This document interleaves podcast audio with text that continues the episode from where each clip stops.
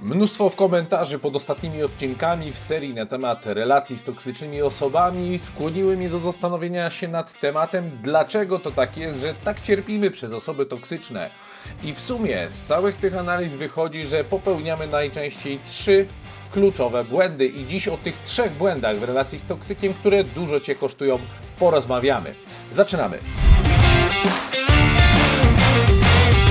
Pierwszy błąd, jaki popełniasz w relacji z toksykiem, który bardzo boli i dużo cię kosztuje, to masz zbyt wysokie oczekiwania od tej relacji. Nasze oczekiwania powodują, że w relacji między mną a kimś oczekujesz, że będą się działy pewne rzeczy. I teraz, kiedy to się nie realizuje, kiedy te rzeczy, których oczekuję, nie mają miejsca w rzeczywistości, a mają miejsca zupełnie inne, dochodzi do rozczarowania. Mówi się bardzo popularnie na temat tego, że rozczarowania biorą się z oczekiwań, czyli zawiedzione nadzieje, poczucie rozgoryczenia, poczucie zawodu. To wszystko bierze się z tego, że oczekujesz od drugiej osoby, od zdarzeń, od e, różnych e, rzeczy, które dzieją się w Twoim życiu, że będzie się działo tak, a nie inaczej, kiedy się dzieje, to czujemy rozczarowanie. Jakie to ma znaczenie w kontekście tego błędu? Oczekiwania zbyt dużo od osoby toksycznej. To mamy tu takie dwa aspekty. Pierwsza rzecz to oczekujesz, że toksyczna osoba będzie zachowywać się normalnie, po ludzku. Pamiętam taką sytuację, jak kiedyś na podwórku, gdzie mieszkałem, sąsiad, była taka część wspólna i w zasadzie było podzielone, że ta część jest moja, ta część jest sąsiada i sąsiad zaparkował na mojej części samochód. Przyjechała, przyjechał transport z drewnem, w związku z tym samochód, który stał, było ryzyko, że przy rozładunku drewna może się uszkodzić, a poza tym zasłaniał dostęp do szopy. Zadzwoniłem do tego sąsiada i zapytałem, dzień dobry sąsiedzie, tutaj Grzegorz Celeban z tej strony. Przyjechało drewno właśnie i e, pana samochód akurat stoi tak, że nie chciałbym go uszkodzić. Pomijając fakt, że w ogóle stał na mojej części, ale już tam to pominąłem, żeby nie wzbudzać niepotrzebnie kontrowersji. No i mówię do sąsiada, jakby był pan na tyle uprzejmy, żeby przestawić samochód, to, to będę bardzo wdzięczny. Na co sąsiad odpowiada, Nikt mi nie będzie mówił, gdzie mam stawiać swój samochód na swoim podwórku. Okej, okay, mówię, no dobrze, ale to ja chciałbym po prostu nie zarysować panu pana samochodu i móc wyładować drewno. Nic nie będę przestawiał. W tym momencie zadałem mu takie pytanie. Sąsiedzie, ale czemu pan jest taki nieludzki? I odpowiedź, której udzielił mi sąsiad, rozwaliła mi głowę i na zawsze otworzyła ją na to, jak zachowują się osoby toksyczne. Sąsiad mówi do mnie tak: Panie, czy ja panu kiedyś obiecywałem, że będę dla pana ludzki? I przyznam szczerze, że za nie mówiłem. Już po rozłączeniu się, bo on zaraz zakończył tą rozmowę, rozłączając się, długo nad tym myślałem i stwierdziłem, w sumie logiki tej argumentacji nie da się podważyć. Nie przypominam sobie sytuacji, w której ten sąsiad kiedykolwiek obiecywałby mi, że będzie dla mnie ludzki. Dlaczego o tym mówię? Ta historia z mojego własnego życia jest ciekawą ilustracją tego, jak funkcjonują w relacjach, jak funkcjonują w, w świecie osoby zaburzone, osoby toksyczne. Jest wyjątkowo błędne oczekiwanie, że takie osoby będą zachowywały się do nas w sposób normalny, ludzki, bo ludzkie nie są. Bo są toksyczne, są zaburzone, nie radzą sobie z własnymi emocjami i ich sposób funkcjonowania w relacji z innym człowiekiem nie jest normalny. No i teraz dochodzimy do błędu, którym, znaczy jakby wracamy do tego podpunktu pod tytułem pierwszy błąd, Właśnie dlatego czujesz rozczarowanie, właśnie dlatego boli, właśnie dlatego jest ci smutno, przykro, czujesz złość, niezgodę, bunt, frustrację, bo oczekiwałaś, bo oczekiwałeś, że ten toksyczny człowiek zachowa się według jakichś normalnych standardów i norm, a on zachowuje się toksycznie. I z tego oczekiwania bierze się po prostu rozczarowanie. Rozważmy inny przykład. Przykład toksycznej osoby, relacji z toksyczną osobą i relacji z normalną osobą. Sytuacja. Załóżmy, że podejmujesz decyzję co do wyboru pracy, studiów, partnera małżeńskiego, czy wyznawanego e, wyznania, czy religii. No, nie ma znaczenia. Jakaś ważna decyzja życiowa. To jak wygląda normalna reakcja? Normalna reakcja to jest rozmowa na ten temat, to jest z szacunkiem i akceptacją poznanie Twojego stanowiska, Zapytanie o to, czy interesuje Cię opinia drugiej osoby i z szacunkiem jej wyrażenie, a potem akceptacja, że i tak możesz zrobić po swojemu. To jest normalne, to jest zdrowe. Jak w takiej sytuacji reaguje osoba toksyczna? Każe milczeniem, robi odstawkę emocjonalną, przestaje odbierać telefony, zaczyna wymuszać, zaczyna krytykować, wzbudzać poczucie winy albo grozić. To są typowe reakcje osoby toksycznej, która nie radzi sobie z tym, że to nie ona zdecydowała, co ty masz zrobić ze swoim życiem. Mam nadzieję, że tą różnicę widać. I teraz, jeżeli ty oczekujesz od toksycznej osoby normalnych zachowań, rozmowy, akceptacji, szacunku, a dostajesz to, nic dziwnego, że boli, nic dziwnego, że czujesz rozczarowanie. Drugi aspekt tego błędu to oczekiwanie empatii. Empatia w zasadzie ma dwa rodzaje. Rozróżniamy empatię taką poznawczą, czyli bardziej rozumową, i empatię taką emocjonalną. Czym one się różnią i co oznaczają? Empatia poznawcza to jest taka umiejętność wejścia w czyjeś buty i spojrzenia na życie czyimiś oczami. Czyli empatia poznawcza wygląda mniej więcej tak, że kiedy myślę sobie na przykład, że Henryk zdecydował w jakiś sposób, to myślę, Okej, okay, to co miał w głowie Henryk, kiedy taką decyzję podejmował? Aha, być może wziął pod uwagę to, jego sytuacja jest taka, być, rozważył takie i inne scenariusze i zdecydował, że dla Henryka będzie najlepsze to czy to. To to jest empatia poznawcza, kiedy ja staram się zrozumieć czyjś tok myślenia, związki, przyczyna, skutek, co doprowadziło do takiej decyzji. To jest empatia poznawcza, staram się zrozumieć tok myślenia. Empatia emocjonalna polega na tym, że staram się wczuć, co czuł Henryk, kiedy podejmował te decyzje.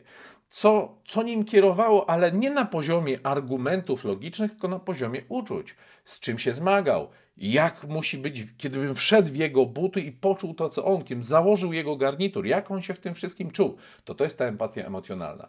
I w normalnych relacjach my możemy mieć oczekiwanie, choć lepiej w ogóle nigdy nie mieć żadnych oczekiwań, to jest najzdrowsze, ale możemy mieć oczekiwanie, że normalny człowiek będzie starał się zrozumieć, co czujemy i zrozumieć nasz tok myślenia, czyli zastosuje empatię. Problem w osobach toksycznych jest taki, że one mają zaburzoną zdolność, a czasami nie mają jej w ogóle do odczuwania empatii. Dlaczego? Bo empatia polega na tym, że ja staram się poczuć lub zrozumieć coś, co czuje czy myśli inna osoba. Toksyczna toksyczna osoba nie ma uwagi skierowanej na ciebie, tylko w przeciwną stronę, na siebie. Toksyczna osoba jest tak pochłonięta tym, co ona czuje, jak bardzo to ją dotknęło, jak bardzo to ją skrzywdziło, jak bardzo to jej się wymyka spod kontroli, że brakuje już miejsca, przestrzeni i umiejętności, żeby pomyśleć o tym, co jest i wydarza się w tobie. To jakie prost, najprostsze rozwiązanie, które oczywiście nie rozwiąże wszystkich problemów. Są relacje nie tyle toksyczne i często piszecie o tym w komentarzach, to piszecie o tym, a ten to w ogóle krzyczy, wrzeszczy, drze się i tak dalej, nie idzie do słowa, wyzywa. Są relacje bardzo destrukcyjne, które już nawet nie mieszczą się w, w takim pojęciu relacji toksycznych, tylko to są relacje ultra destrukcyjne, które być może najlepiej jak najszybciej zakończyć. I to wideo oczywiście nie da odpowiedzi na wszystkie pytania, ale jaki pierwszy krok, bo nie masz wpływu na to, co zrobi druga osoba, masz wpływ na to, co zrobisz ty i jak się będziesz z tym czuć. Pierwsza rzecz to zmniejsz swoje oczekiwanie do kompletnego zera. Nie oczekuj niczego. Nie przestań oczekiwać wczuwania się w Twoje położenie. Przestań oczekiwać, że ten człowiek będzie zachowywał się zgodnie z normalnymi standardami, bo on być może w ogóle tak nie potrafi. Co to spowoduje? Spowoduje to na bardzo podstawowym poziomie, że jeżeli nie oczekujesz, to dużo trudniej cię zranić. Zawiedzione oczekiwania bolą. I teraz, jeżeli ty nie masz oczekiwań, jest to poziom zero i zdarzy się coś, co będzie dobre, fajne, przyjemne, czyli ta osoba pozytywnie zaskoczy, no to masz pełną przestrzeń do tego, żeby poczuć radość z tego powodu. Jeżeli ta osoba znowu, ty oczeku nie oczekujesz niczego i ta osoba nie zrealizuje niczego, a nawet zrealizuje coś poniżej oczekiwań, to ten dysonans jest mniejszy. Zobacz, tu masz zero, ktoś zrobił coś poniżej oczekiwań, a teraz pomyśl sobie, że miałeś wysokie oczekiwania. To ta różnica, ta różnica wpływa na to, jak bardzo boli. Więc dla własnego bezpieczeństwa lepiej nauczyć się wyćwiczyć. Oczywiście nie przyjdzie to jak za pstryknięciem palcem. Nauczyć się trenować nieoczekiwania. Nieoczekiwania Przestań oczekiwać, przestań się spodziewać, przestań wymyślać sobie czy życzyć, co powinni zrobić inni ludzie. Kiedy masz zerowe oczekiwania w stosunku do takich osób, to dużo mniejsza szansa, że poczujesz ból i się zawiedziesz. Drugi błąd, jaki popełniamy w relacji z toksycznymi osobami, to wyuczone poczucie winy. Już od małego jesteśmy często uczeni, czasami przez rodziców, którzy w różny sposób, świadomie czy nie, umiejętnie lub mniej, uczą nas schematu poczucia winy. Robi to też szkoła, robią to też często znajomi, ale jak to może wyglądać w takim bardzo jaskrawym przypadku? Podam jeden przykład, który dotyka pewnie część z Was. Y, jest to przykład trochę popularny w wychowaniu w latach 80., 90., nawet pewnie jeszcze z początkiem lat 2000, a pewnie i teraz niejednokrotnie takie sytuacje mają miejsce. Wyobraźmy sobie sytuację, gdzie mały Krzysiu doznaje przemocy fizycznej w domu. Jest po prostu bity.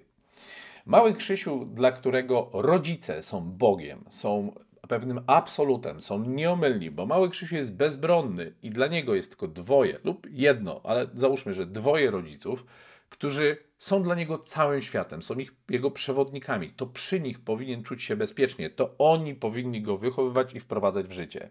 I teraz nagle dochodzi do tego, że rodzic bierze i tego małego Krzysia bije pasem, bo zrobił coś, za co należy mu się, w cudzysłowie oczywiście ja się kompletnie z tym nie zgadzam, ale należy mu się pouczenie, należy mu się kara. Co się dzieje w małym Krzysiu? Mały Krzyś ma potężny konflikt. Z jednej strony ma poczucie, że doznał jakiejś krzywdy, ktoś naruszył jego nietykalność cielesną. To bolało, to było przykre, to był wstrząs, to było zaskakujące. Z drugiej strony ma rodzica, który teoretycznie go przecież kocha. Rodzic, który się nie myli, jest Bogiem, jest absolutem. I teraz ten mały Krzysiu musi te dwie rzeczy pomieścić w swojej małej, młodej główce i sferze emocjonalnej. Więc do jakich wniosków dochodzi mały Krzysiu? Mały Krzysiu myśli tak: rodzice mnie kochają, rodzice się nie mylą, rodzice są Bogiem, a doznałem krzywdy, doznałem bólu, dostałem lanie. To dlaczego tak się stało? Jeżeli rodzice są absolutem, rodzice są nieomylni i mnie kochają, to nie mogli się w tej sprawie pomylić.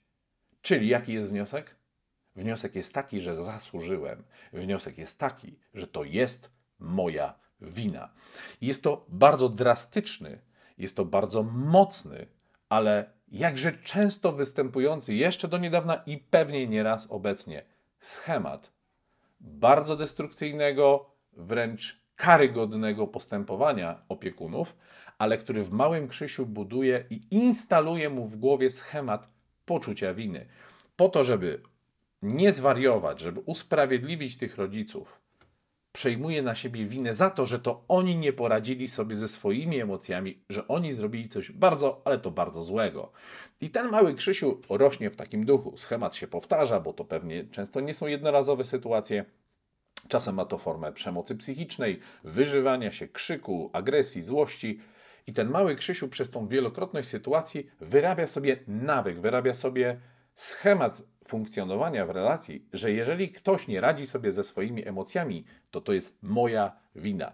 I teraz mały Krzysiu dorasta, jest już 30-40-letnim Krzysztofem, który za każdym razem, kiedy dochodzi do takiej sytuacji, gdzie w relacji z żoną, z przyjacielem, znowu z rodzicami, z kumplem, z szefem, ktoś nie radzi sobie z emocjami i wyżywa się na nim, to mały Krzysiu, ponieważ już nie ma rodzica, który go wyręczy, bierze ten emocjonalny pas i sam siebie nim okłada.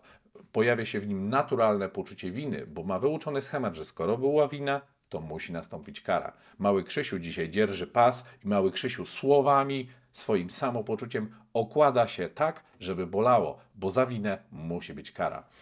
I teraz jest to przykry schemat i zdecydowanie, zdecydowanie warto się tym zająć na psychoterapii. Warto znaleźć psychoterapeutę, który pomoże nam przepracować te trudne doświadczenia z dzieciństwa po to, żeby uwolnić się od tych toksycznych mechanizmów, które na pewno wyrządzają Ci sporą szkodę i na pewno bardzo na co dzień bolą.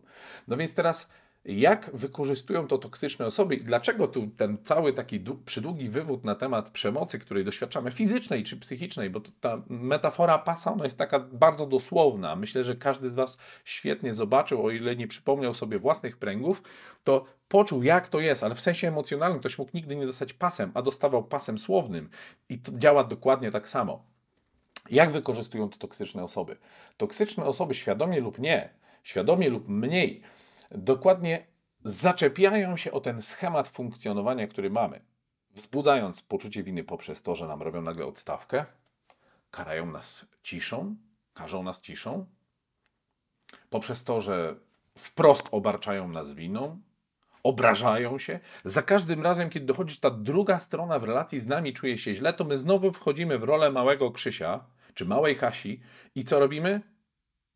Wiemy, że to jest nasza wina. To musi być nasza wina. Po pierwsze, sami siebie okładamy pasem, a co za tym idzie, zaczynamy przepraszać, zaczynamy chcieć naprawić szybko sytuację po to, żeby doprowadzić znowu do tego, żeby było dobrze.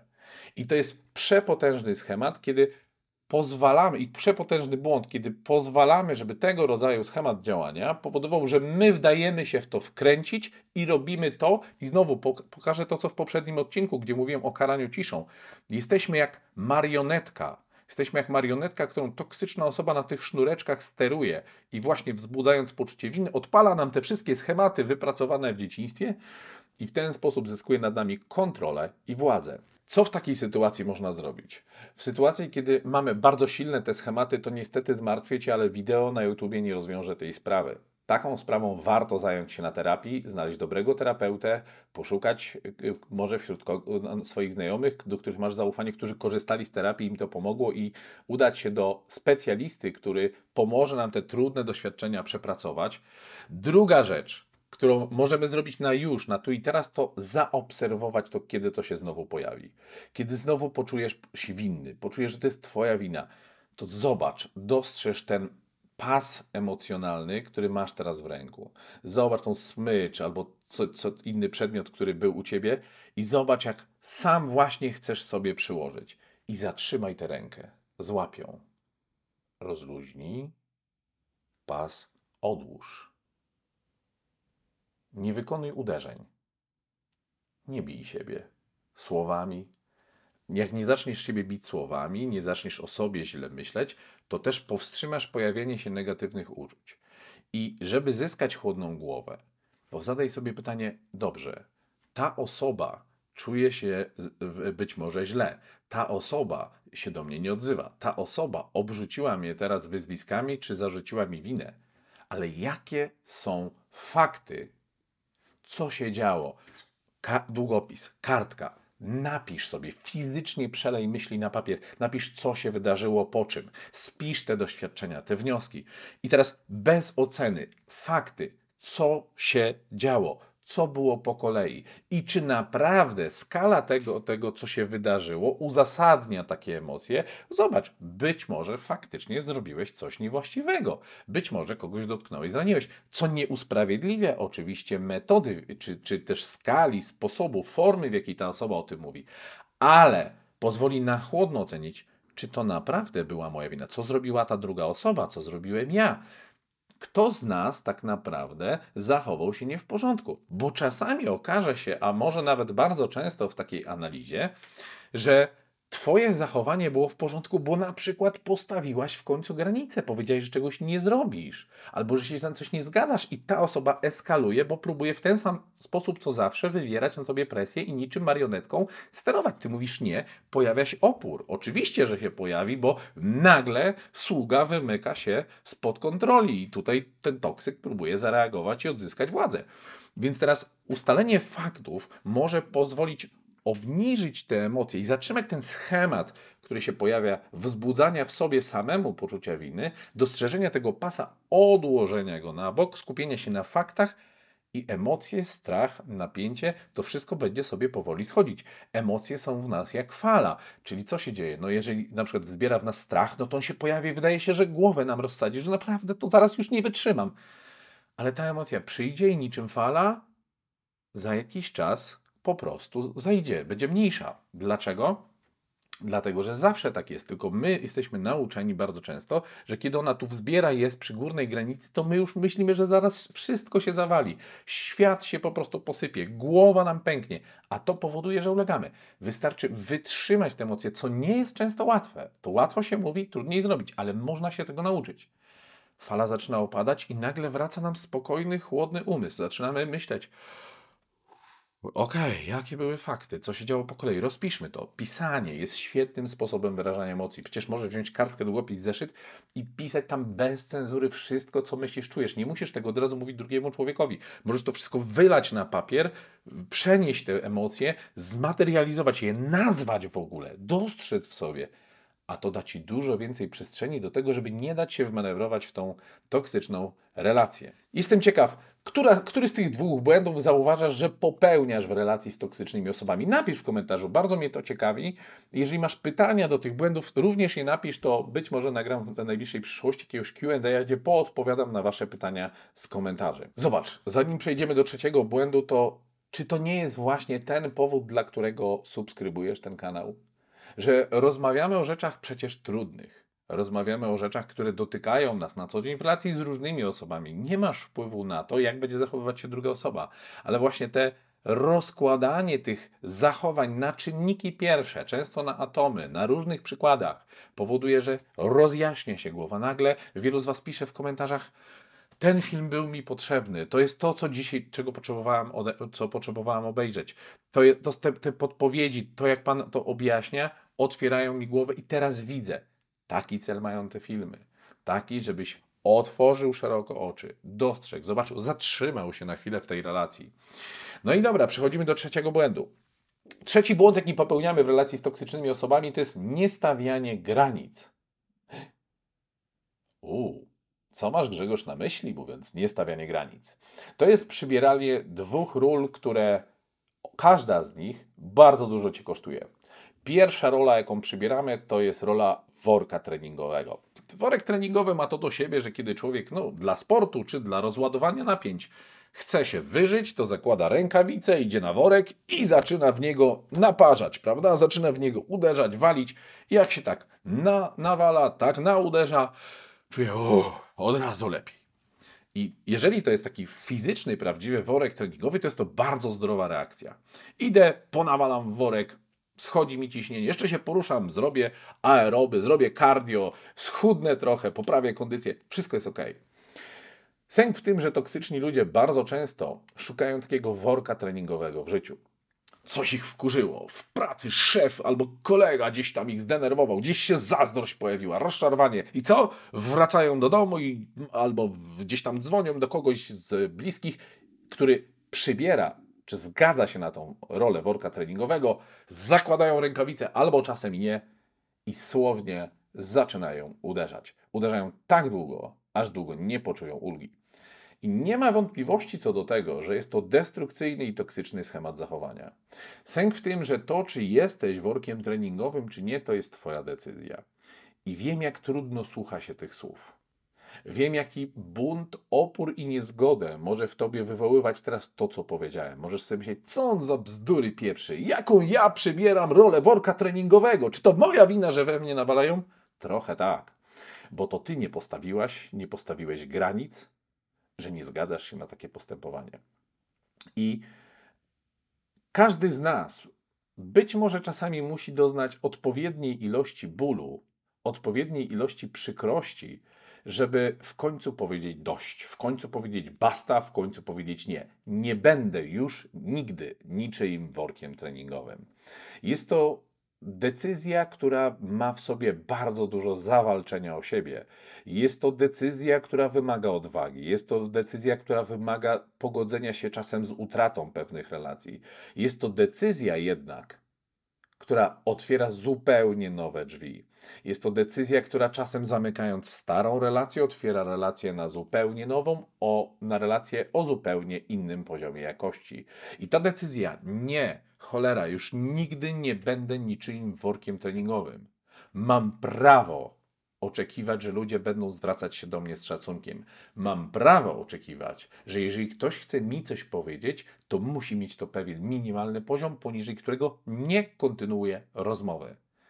Ja taką decyzję podjąłem. To nie jest tak, że wiesz, taki celeban jest taki mądry, tak się wymądrza, a co sam jaki. No, do pewnego okresu w swoim życiu też przybierałem taką rolę worka treningowego i przyjmowałem i bardzo bolało. Przy taki moment u mnie w życiu, gdzie powiedziałem dość, powiedziałem basta i zacząłem w każdej jednej, w każdej jednej relacji, w każdej jednej relacji stawiać te granice. Bo zdecydowałem, że już nigdy więcej nie będę niczym workiem treningowym i gorąco z serca taką decyzję polecam. Druga rola, jaką przybieramy w relacjach z toksycznymi osobami, która właśnie nie stawia granic, to jest rola gąbki. Gąbka, jak wiesz, ma to do siebie, że gąbkę można w czymś zamoczyć i ona to wszystko wchłonie. No i teraz, zwłaszcza osoby wysoko wrażliwe, zwłaszcza osoby bardzo empatyczne, które mają tak zwane dobre serce, takie wiesz, że dusza ludzie, wrażliwi, czuli, delikatni, chcący pomóc, są narażeni na ten schemat, schemat gąbki. No i teraz zobacz, jeżeli gąbkę zamoczysz w wodzie, no to ona ma w sobie dużo wody. Naciśniesz, to wyleci woda. Jeżeli tą gąbkę zamoczysz w occie, no to nasiągnie octem. Ale jeżeli tą gąbkę zamoczysz w szambie, to nasiąknie szambem. Jeżeli ją zamoczysz w oleju, nasiąknie olejem. I teraz kto decyduje o tym, czym nasiąkasz? Wyobraź sobie teraz, że jako osoba o dobrym sercu masz zwyczaj wysłuchiwania cudzych żalów, narzekań, pretensji, krytyki, zgryzoty, jaki to ten świat jest niedobry i niesprawiedliwy. I teraz to ty decydujesz, jakie treści wpuszczasz tu i wchodzą tu, czyli jak gąbka czym nasiąkasz. I ten schemat działania gąbki, że starasz się tak z każdego miejsca, gdzie można pomóc, po prostu wchłonąć tu, wchłonąć tam, wchłonąć tu, wchłonąć tam. Kiedy nasiąkniesz trucizną, to nie dziw się, że czujesz się otruty. A kiedy człowiek czuje się otruty, to zwyczajnie nie ma na nic sił, a już tym bardziej na zadbanie o siebie. Jakie proste rozwiązanie, które oczywiście nie rozwiąże wszystkich problemów i które nie odpowiada na wszystkie sytuacje, jakie tylko będziecie w stanie wymyśleć, czy jakich doświadczacie, ale które na pewno w wielu sytuacjach pomoże, to naucz się i zacznij mówić nie. Zacznij mówić dość, basta, nie chcę o tym rozmawiać, nie mam ochoty tego słuchać. Jeżeli chcesz o tym mówić, ja nie chcę na ten temat rozmawiać. Masz prawo powiedzieć, że o czymś nie chcesz rozmawiać. Masz prawo postawić granicę i powiedzieć: Nie, nie jestem Twoim workiem treningowym. Słuchaj, ja nie jestem gąbką, w którą możesz cały syf, który czujesz, wlać. Jeżeli chcesz porozmawiać konstruktywnie, spoko, ale nie będę słuchał ciągłych narzekań na wszystko dookoła. Po prostu nie chcę. Nie będę o tym rozmawiać. Wybieraj to, czym nasiąkasz, wybieraj to, w co pozwalasz siebie zamoczyć, bo to będzie miało ogromny wpływ na to, jak się będziesz czuła, czy jak się będziesz czuł. Moi drodzy, jeżeli ten materiał był dla Was przydatny, jestem ciekaw Waszych refleksji w komentarzach. Zostaw łapkę pod tym filmem. Oczywiście subskrybuj ten kanał, żebyś dostawał na bieżąco powiadomienia o nowych materiałach, bo już w następnym tygodniu kolejny film z serii o toksycznych osobach. I teraz jestem ciekaw, z którą z tych sytuacji widzisz, że masz problem, z który, który z tych trzech błędów popełniasz i jakie w związku z tym masz przemyślenia i czy już postanowiłaś, postanowiłeś to zmienić. Dziękuję bardzo, Grzegorz Celeban.